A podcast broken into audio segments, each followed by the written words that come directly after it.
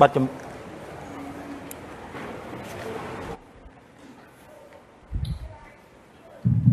បាទជំរាបសួរបងប្អូនទាំងអស់គ្នាសាជាថ្មីម្ដងទៀតបាទគុណព្រះអង្គសម្រាប់ឱកាសជាថ្មីដែលខ្ញុំមានឱកាសក្នុងការនាំព្រះបន្ទូលរបស់ផងព្រះអឺមកកាន់បងប្អូនទាំងអស់គ្នាហើយប្រធានបទថ្ងៃនេះគឺវាមានការលំបាកទាំងបងប្អូននិងអ្នកស្ដាប់ហើយនឹងខ្ញុំជាអ្នកដែលនឹងនាំប៉ុន្តែយ៉ាងណាយើងសូមអឺ ប្រពោពីព្រះដើម្បីជួយបង្ហាត់បង្រៀនយើង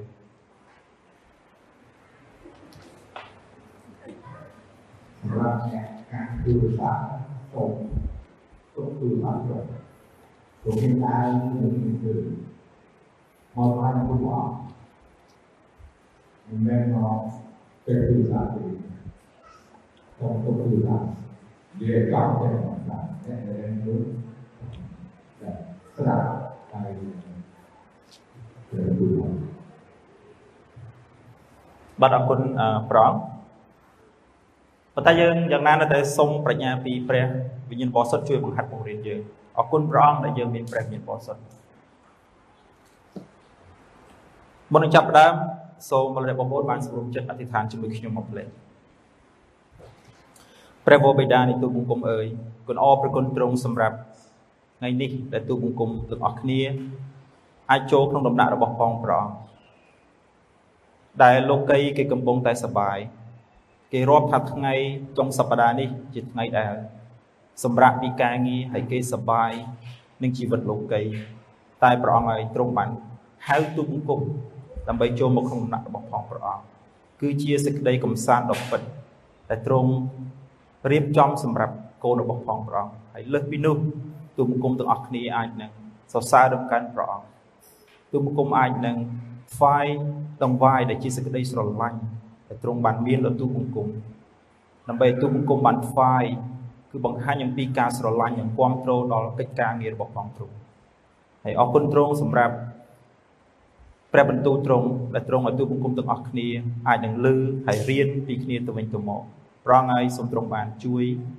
ដល់ទូបង្គំទាំងអស់គ្នាបើទូបង្គំ មិនមានប្រាជ្ញាសូមទ្រង់បានជួយចំណុចណាដែលទូបង្គំខ្សោយជួយចំណុចណាដែលទូបង្គំមិនមានតម្រេះប្រាជ្ញាផងសូមទ្រង់បានបង្ហាត់បង្រៀនទូបង្គំអរគុណទ្រង់ទូបង្គំសូមពិចារណាព្រះបន្ទូលព្រះអង្គជាមួយគ្នានេះក្នុងនាមព្រះអង្គម្ចាស់ព្រះយេស៊ូវគ្រីស្ទអាមែនអរគុណអ្នកបងប្អូនដែលមានព្រះគម្ពីរសូមបើកទៅព្រះគម្ពីរកិច្ចការដូចជាអរគុណអ្នកបងប្អូនបានជ្រាបស្រាប់ហើយថាអឺខ្ញុំជ្រើសរើសយក កាន់ព្រះគម្ពីរកិច្ចការមួយជំពូកមួយកាន់នេះតែម្ដងដើម្បីសិក្សាពីមួយជំពូកទៅមួយជំពូកមួយខទៅមួយខឥឡូវយើងមកដល់ជំពូក2នៅសេចក្តីផ្ដើមខ្ញុំបាននិយាយដែរថាវាគឺជាប្រធានបទមួយដែលពិបាកពីព្រោះវាតកតងទៅនឹងអាការនិយាយភាសាដទៃដែលជាប្រធានបទមួយ មានភាពចម្រុងចម្រាស់ រវាងក្រុមពួកជំនុំខ្លះគាត់ប្រកាន់យកក្នុងការនិយាយភាសាដទៃហើយក្រុមជំនុំជាច្រើនទៀតគាត់មិនប្រកាន់យកប៉ុន្តែយ៉ាងណាយើងនឹងព្យាយាមអឺមើលទាំងអស់គ្នាសិក្សាជាមួយគ្នាដើម្បីឲ្យអាចយល់អំពីបំណងថាតេរបស់ของព្រះដូច្នេះសូមបងប្អូនទាំងអស់គ្នាបានមើលនៅជំពូក2យើងមើលពីខ1រហូតដល់ខ13សូមទៀងជាមួយនឹងខ្ញុំមកផ្លេច កាលបនថ្ងៃទី50បានមកដល់នោះគេមានចិត្តព្រមព្រៀងប្រជុំទាំងអស់គ្នា នៅកន្លែងតែមួយស្រាប់តែមានលឺសូរពីលើមេឃដូចជាខ្យល់បក់គំហុកយ៉ាងខ្លាំងមកពេញក្នុងផ្ទះដែលគេអង្គុយនៅក៏មានអណ្ដាតដូចជាអណ្ដាតភ្លើង ដែលបែកចេញពីគ្នាលេចមកឲ្យគេឃើញហើយមកសន្ធិដ្ឋលើគេគ្រប់គ្នារួចគេ បានពេញជាព្រះវិញ្ញាណបរិសុទ្ធទាំងអស់គ្នាក៏តាំងនិយាយភាសាផ្សេងផ្សេងតាមដែលព្រះវិញ្ញាណប្រទានឲ្យរីឯនៅក្រុងយេរូសាឡឹមមានពួកសាសយូដា ជាអ្នកកោតខ្លាចដល់ព្រះ ដែលមកពីគ្រប់នគរនៅក្រៅមេឃកាលសូរស័ព្ទពីការនោះបានលឺសុសសាយទៅនោះបណ្ដាមនុស្សក៏ប្រជុំគ្នា ហើយគេមានសេចក្តីស្រឡាំងកាំងដោយគ្រប់គ្នា ឮភាសាជាតិរបស់ខ្លួន ដែលពួកសាវកកំពុងតែអធិប្បាយគេមានសេចក្តីអស្ចារ្យក្នុងចិត្តហើយនិយាយគ្នាទៅវិញទៅមកដោយឆ្ងល់ថា អ្នកទាំងនេះដែលអធិប្បាយតើមិនមែនជាពួកអ្នកស្រុកកាលីលេទាំងអស់គ្នាទេឬអីចុះដោយម្ដេចបានជាយើងឮគេនិយាយតាមភាសាកំណើតរបស់យើងរៀងខ្លួនដូច្នេះ គឺជាសាសផាថូមេឌីអេឡង់និងពួកអ្នកស្រុកមេសូប៉ូតាមៀស្រុកយូដាស្រុកកាប្រាដូគៀកាបាដូគៀស្រុកពុនតុស្រុកអាស៊ីព្រមទាំងស្រុកព្រីគៀស្រុកប៉ាមភីលាស្រុកអេស៊ីបនិងដែនស្រុកលីវីដែលនៅជុំវិញស្រុកគីរ៉េតហើយនឹងពួកអ្នកស្រុករ៉ូមដែលស្នាក់នៅទីនេះ ព្រមទាំងសាសយូដា និងអ្នកចូលសាសផងហើយសាសក្រេតនិងសាសអារ៉ាប់ដែរយើងទាំងអស់គ្នាឮគេនិយាយពីអស់ទាំងការអស្ចារ្យរបស់ព្រះ តាមភាសារបស់យើងរៀងខ្លួន អ្នកទាំងនោះមានសេចក្តីអស្ចារ្យព្រមទាំងវល់ក្នុងចិត្តក៏សួរគ្នាទៅវិញទៅមកថាតើការនេះដូចម្ដេចណោះតែមានអ្នកខ្លះ ចំអកឲ្យថាពួកនេះស្រវឹងស្រាថ្មីទេបាទអរគុណព្រះអង្គប្រសិនបើយើងមើលព្រះគម្ពីរកិច្ចការយើងឃើញថានៅចំពុក2នេះ គឺជាកំណើតដើមដំបូងបំផុតនៃពួកជំនុំហេតុអ្វីបានជាយើងថាវាជាកំណើតដំបូងនៃពួកជំនុំពីព្រោះក្នុងចំណុចនេះយើងឃើញថាមានមនុស្សពី120នាក់បានជុំគ្នានៅក្នុងបន្ទប់ខាងលើ ដើម្បីជុំគ្នាអធិដ្ឋាន ដើម្បីចាំព្រះវិញ្ញាណបរិសុទ្ធអញ្ចឹងនេះគឺជាមេរៀនមួយដែលប្រាប់យើងអំពីកំណើតដំបូងរបស់ពួកជំនុំអញ្ចឹងលោកអ្នកបងប្អូនមើលទៅខ1កាលបុណ្យថ្ងៃទី50បានមកដល់នោះគេមានចិត្តព្រមព្រៀងប្រជុំទាំងអស់គ្នា នៅកន្លែងតែមួយនៅពេលខ្ញុំអានខនេះខ្ញុំមានការលើកទឹកចិត្តមែនទែន គឺត្រង់ចំណុចពាក្យថាគ្នា120នាក់បានប្រជុំគ្នានៅបន្ទប់ដែលមិនជាធំប្រមាណទេ បន្ទប់នេះគឺបន្ទប់ខាងលើ គឺជាបន្ទប់ដែលព្រះយេស៊ូវធ្លាប់បានទទួលប្រពៃពិធីធ្វើពិធីលៀងព្រះអង្គម្ចាស់នៅទីនោះចឹងបើសិនជាយើងមើលទស្សនភាពក្នុងយើងឃើញថានៅពេលដែលព្រះអង្គទទួលធ្វើពិធីលៀងព្រះអង្គម្ចាស់ នៅថ្ងៃចុងក្រោយ គឺមានប្រហែលគ្នាសវៈ12នាក់ព្រះអង្គព្រះយេស៊ូវមួយអង្គហើយជាមិនដល់20នាក់ផងប៉ុន្តែកន្លែងនេះធ្វើយើងមានការភ្ញាក់ផ្អើលមែនទែនគ្នា120នាក់បានប្រជុំគ្នា នៅក្នុងបន្ទប់ដែលមិនធំពេកទេហើយជាបន្ទប់ដែលមិនមានសិទ្ធិជាជាបន្ទប់ដែលមិនមាន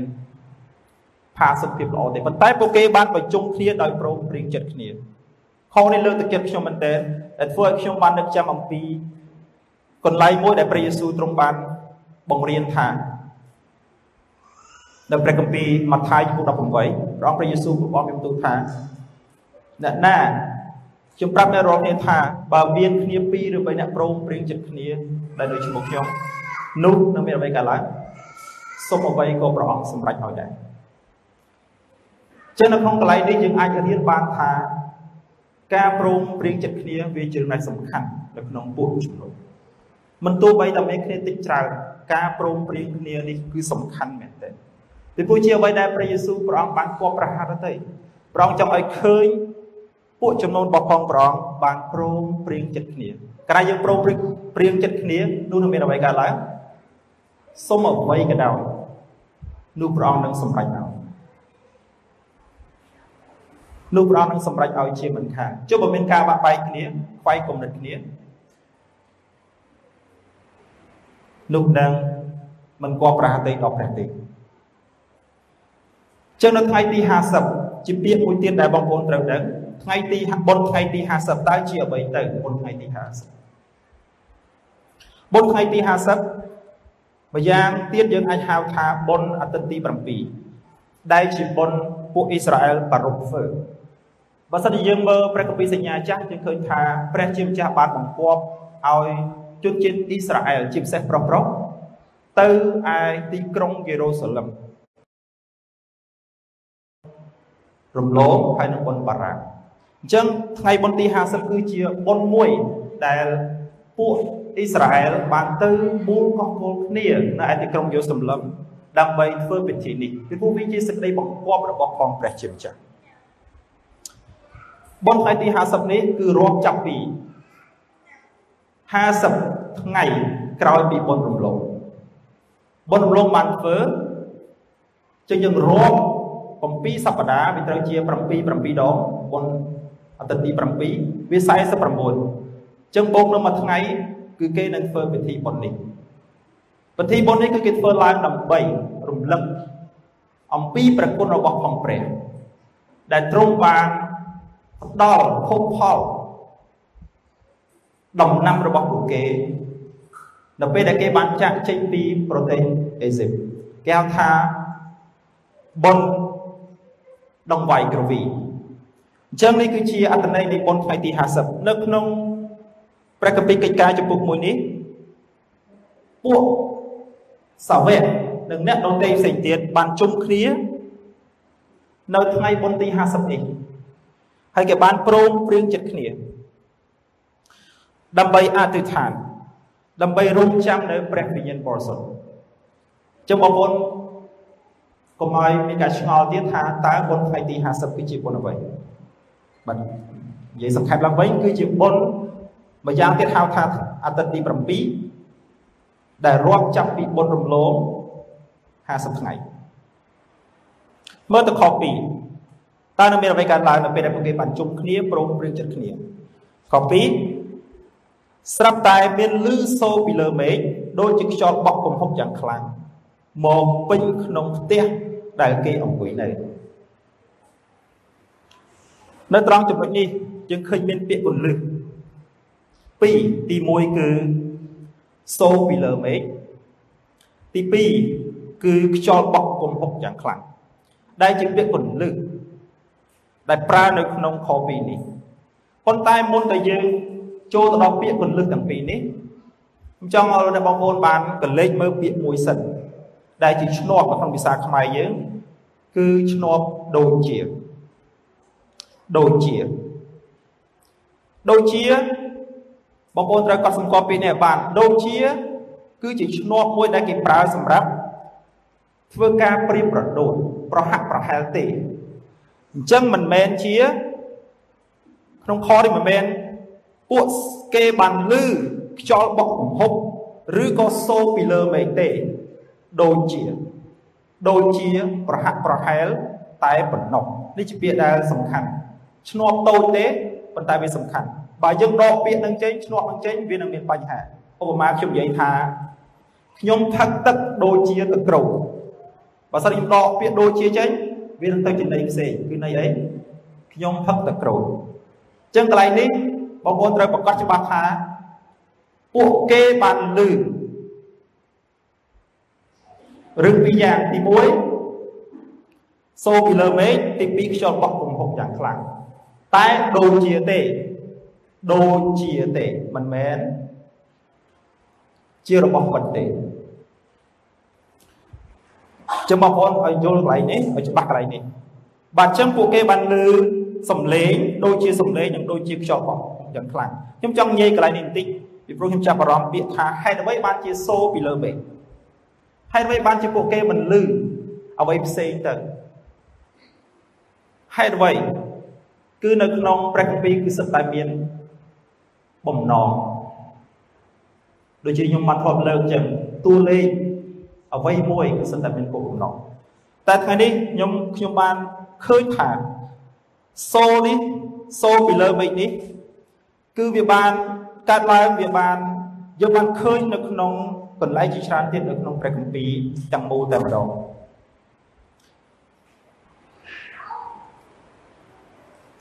ដូចជាដូចជានៅក្នុង កន្លែងមួយនៅក្នុងព្រះគម្ពីរយោបចំពោះ28គេឃើញថាយោបបាននិយាយអំពីទុកលំបាកដែលគាត់មានប៉ុន្តែព្រះជាម្ចាស់ទ្រង់បានមានបន្ទូលមកកាន់គាត់ជាអីជាខ្យល់គួយជាខ្យល់គួយ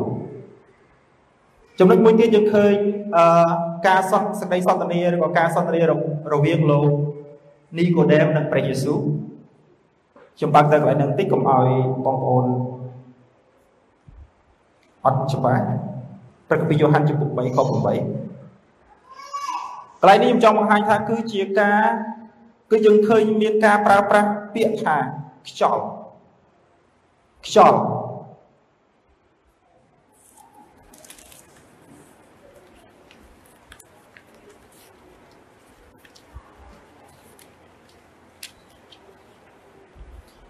បាទព្រះគម្ពីរយ៉ូហានជំ3ខ8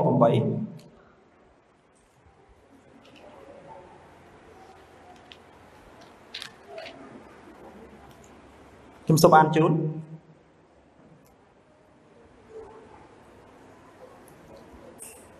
ឯខ្យល់ចង់បក់ទៅឯណាក៏ចេះតែបាន ហើយអ្នកឮសូរស័ព្ទតែមិនដឹងជាមកពីណា ឬទៅឯណាទេ អត់អ្នកណាដែលកើតពីព្រះវិញ្ញាណនោះក៏ដូចនោះដែរយើងឃើញថានេះគឺជានេះគឺជាព្រឹត្តិការណ៍មួយដែលដែលលោកនីកូដេមនិងព្រះយេស៊ូវទ្រង់បានដែលគាត់បានជជែកគ្នាជាមួយនឹងព្រះយេស៊ូវអំពីការកើតជាថ្មីហើយព្រះយេស៊ូវទ្រង់បានមានបន្ទូលថាឯខ្យល់បក់ទៅណាក៏តាមតែខ្យល់បក់ហើយក៏យើងមិនដឹងថាវាមកពីណាដែរកន្លែងនេះគឺជាឧទាហរណ៍ ពីរដែលខ្ញុំឃើញមានប្រើពាក្យស្រដៀងគ្នាដែរនៅក្នុងអឺព្រះគម្ពីរដែលនិយាយអំពីខ្យល់អញ្ចឹងយើងឃើញកន្លែងទី1មិញគឺតកតទៅនឹងព្រះជំចាស់ទ្រង់បានអឺមានបន្ទូលទៅឯលោកយោបបើសិនលោកអ្នកបងប្អូនមើលព្រះគម្ពីរយោបចំពុក28បងប្អូននឹងឃើញថាព្រះទ្រង់បានមានបន្ទូលទៅកាន់លោកយោបជាខ្យល់មួយហើយនៅក្នុងចំណុចលោកនីកូដេមនេះយើងឃើញថាព្រះយេស៊ូវទ្រង់បានលើកអំពីខ្យល់ដែរ ទៅតតងថាខ្យល់បក់ទៅណានោះក៏តាមតែវាចង់បក់ហើយក៏យើងមិនដឹងប្រភពមកពីណាដែរហើយយើងឃើញមានកន្លែងជាច្រើនទៀតដែលតតទៅនឹងខ្យល់ដែរដូចជាការដែលដំបងឡើយព្រះអង្គបានបង្កើតរបស់របរគ្រប់បែបយ៉ាងទាំងអស់ហើយថ្ងៃទី6ព្រះអង្គបានបង្កើតមនុស្សតើនៅពេលដែលព្រះអង្គបានយកដីមកសូនហើយព្រះអង្គធ្វើយ៉ាងម៉េចបាទនៅពេលដែលព្រះអង្គបាន បង្កើតមនុស្សរបៀបដែលព្រះអង្គបានបង្កើតមនុស្សគឺព្រះអង្គយកដីមកសូនហើយព្រះអង្គធ្វើយ៉ាងម៉េចទៀតបាទលោកកបាត់ចំពុក2ខ7គឺព្រះអង្គបានលុបខ្យល់ដង្ហើមខ្យល់ហើយយើងឃើញមាននៅក្នុងព្រះគម្ពីរសញ្ញាថ្មីដែរតើតទៅទៅនឹងអ្វីដែលសាវកពលគាត់បាននិយាយរៀបរាប់ធីម៉ូថេចំពុក42ចំពុក3ខ16គឺនិយាយអំពីគ្រប់ទាំងបទបន្ទូលគឺជាព្រះវិញ្ញាណ បាទបណ្ដាលឲ្យតែងទេហើយដើម្បីបានខ្ញុំលើករឿងនេះយកមកនិយាយពីព្រោះពាក្យថាខ្យល់ហើយនឹងពាក្យថាវិញ្ញាណកន្លែងនេះប្រហែលជាពិបាកបន្តិចនៅក្នុងភាសាដើមភាសាដើមរបស់ព្រះគម្ពីរគឺមានន័យដូចគ្នាទេបើទោះជាព្រះគម្ពីរសញ្ញាចាស់ក៏ដោយព្រះគម្ពីរសញ្ញាថ្មីក៏ដោយពាក្យថាខ្យល់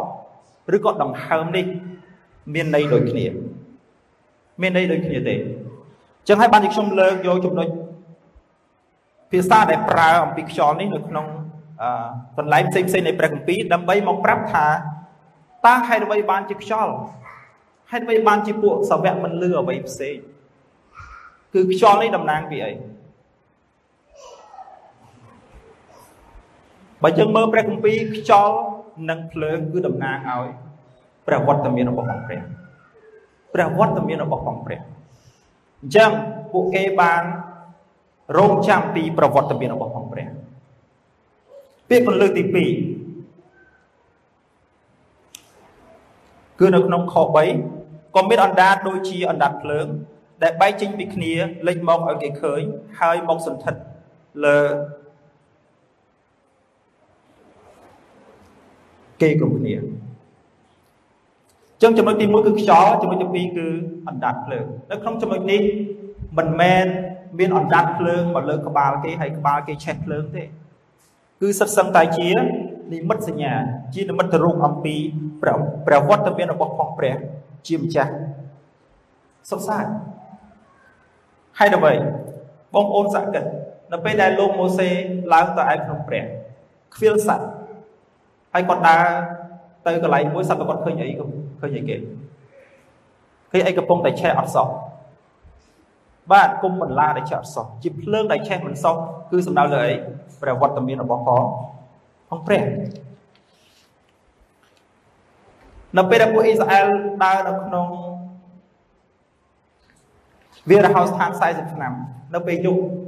តើពួកគេប្រើអីដើម្បីសម្រាប់ដើរអំពូលម៉ែត អត់ទេគឺគេប្រើអីបង្គោលភ្លើងគឺបង្ហាញអំពីប្រវត្តិមានរបស់ផងព្រះជាម្ចាស់ចឹងមានជាច្រើនកន្លែងទៀតដែលបង្ហាញអំពីប្រវត្តិមានរបស់ផងព្រះ ដែលសំដៅទៅលើភ្លើងនិងខ្យល់នៅលើភ្នំស៊ីណាយនៅពេលដែលលោកម៉ូសេឡើងទៅយកក្រឹតនៃរបស់ផងព្រះហើយបណ្ដាជនចាំនៅខាងក្រោមតើគេឃើញអី មានផ្គរមានរន្ទះមានខ្យល់មានផ្គរលាន់មានភ្លើងចឹងសរុបមកវិញនៅក្នុងចំណុចនេះយើងឃើញថានិមិត្តរូបសញ្ញាទាំងពីរដែលយើងឃើញសូរសំឡេងជាសូរសំឡេងក៏ដោយ ជាអណ្ដាតភ្លើងក៏ដោយគឺសិតសឹងតែបង្ហាញអំពី ប្រវត្តិមានរបស់ផងព្រះជាម្ចាស់ទាំងអស់បាទប្រវត្តិមានរបស់ផងព្រះជាម្ចាស់ទាំងអស់សម្រាប់បងប្អូនបើបន្តនៅក្នុងខ4 ឬគេបានពេញជាព្រះវិញ្ញាណបរិសុទ្ធទាំងអស់ក៏តាំងនិយាយភាសាផ្សេងផ្សេងតាមដែលព្រះវិញ្ញាណប្រទានឲ្យកន្លែងនេះខ្ញុំចង់សួរសំណួរទៅបងប្អូនមួយថាពុញធ្លាប់ឮសំណួរហ្នឹងសំណួរសួរថាតើបងប្អូនមានអារម្មណ៍យ៉ាងម៉េចនៅពេលដែលបងប្អូនបានឮពាក្យថាពេញជាព្រះវិញ្ញាណបរិសុទ្ធតើបងប្អូនសាកគិតមើលតើបងប្អូនមានអារម្មណ៍យ៉ាងម៉េចនៅពេលនៅនៅពេលដែលឮពាក្យថាពេញជាព្រះវិញ្ញាណបរិសុទ្ធ ឬក៏បងប្អូនមិនបានពេញជាព្រះវិញ្ញាណបរិសុទ្ធទេពីព្រោះបងប្អូនមិនចេះនិយាយភាសាដទៃបងប្អូនយល់យ៉ាងម៉េចបងប្អូនត្រូវឆ្លើយយ៉ាងម៉េចបងប្អូនដែលលើសំណួរហ្នឹងឯង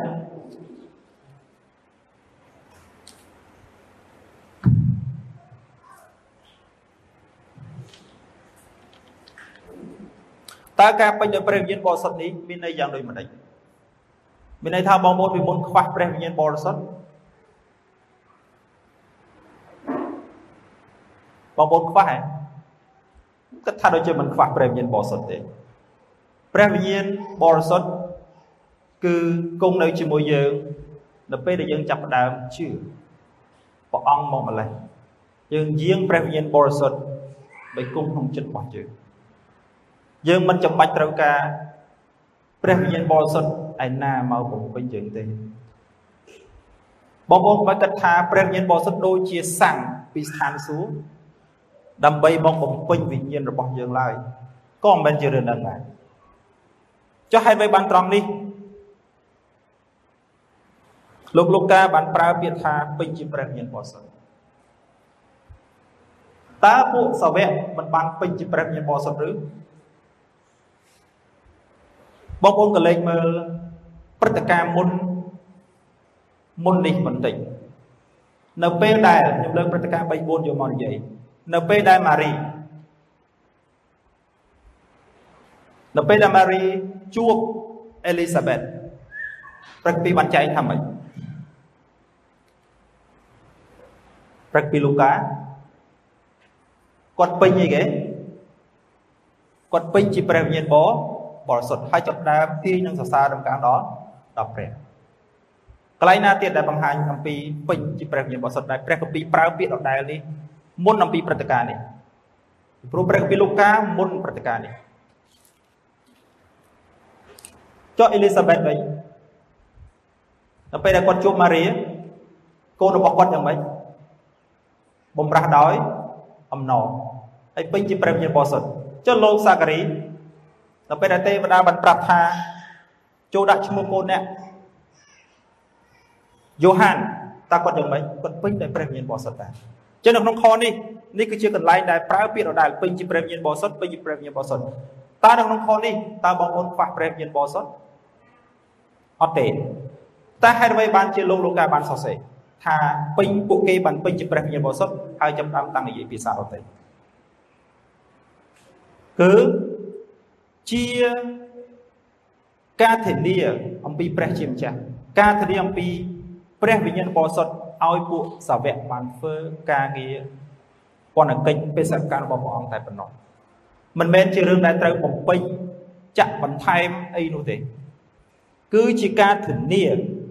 ជាការធានា ដើម្បីបង្ហាញថា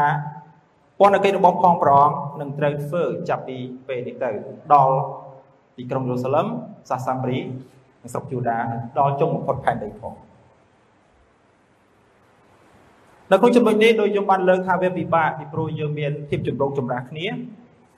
ដោយអ្នកខ្លះគេបាននិយាយភាសាដតីហើយគេបានប្រាប់ថាគេនិយាយភាសាដតីនេះគឺដោយព្រោះតែគេពេញជាព្រះវិញ្ញាណបរិសុទ្ធពេញជាព្រះវិញ្ញាណបរិសុទ្ធទើបបានគេនិយាយភាសាដតី តែពួកយើងអត់និយាយភាសាដតីគឺពួកដែលមិនបានពេញជាព្រះវិញ្ញាណបរិសុទ្ធទេនេះហើយគឺជាភាពចម្រុងចម្រាស់ចុះបងប្អូនគិតយ៉ាងម៉េចតែនៅព្រះវិហារនេះអត់និយាយភាសាដតីហើយបងប្អូនគិតថាយ៉ាងម៉េចនឹងឆ្លើយថាយ៉ាងម៉េចតើភាសាដតីភាសាអីគេនៅក្នុងចំណុចនេះមានការលើកឡើងពីរទី1ពួកគេបានពេញជាព្រះវរសុទ្ធគេនិយាយភាសាដតី ភាសាដតីគឺជាភាសាដែលតែពួកនៅក្នុងអ្វីដែលខ្ញុំបានអានមុនហ្នឹងខាងក្រោមហ្នឹងបានស្ដាប់ឮជាភាសាកំណើតរបស់ពួកគេរៀងខ្លួន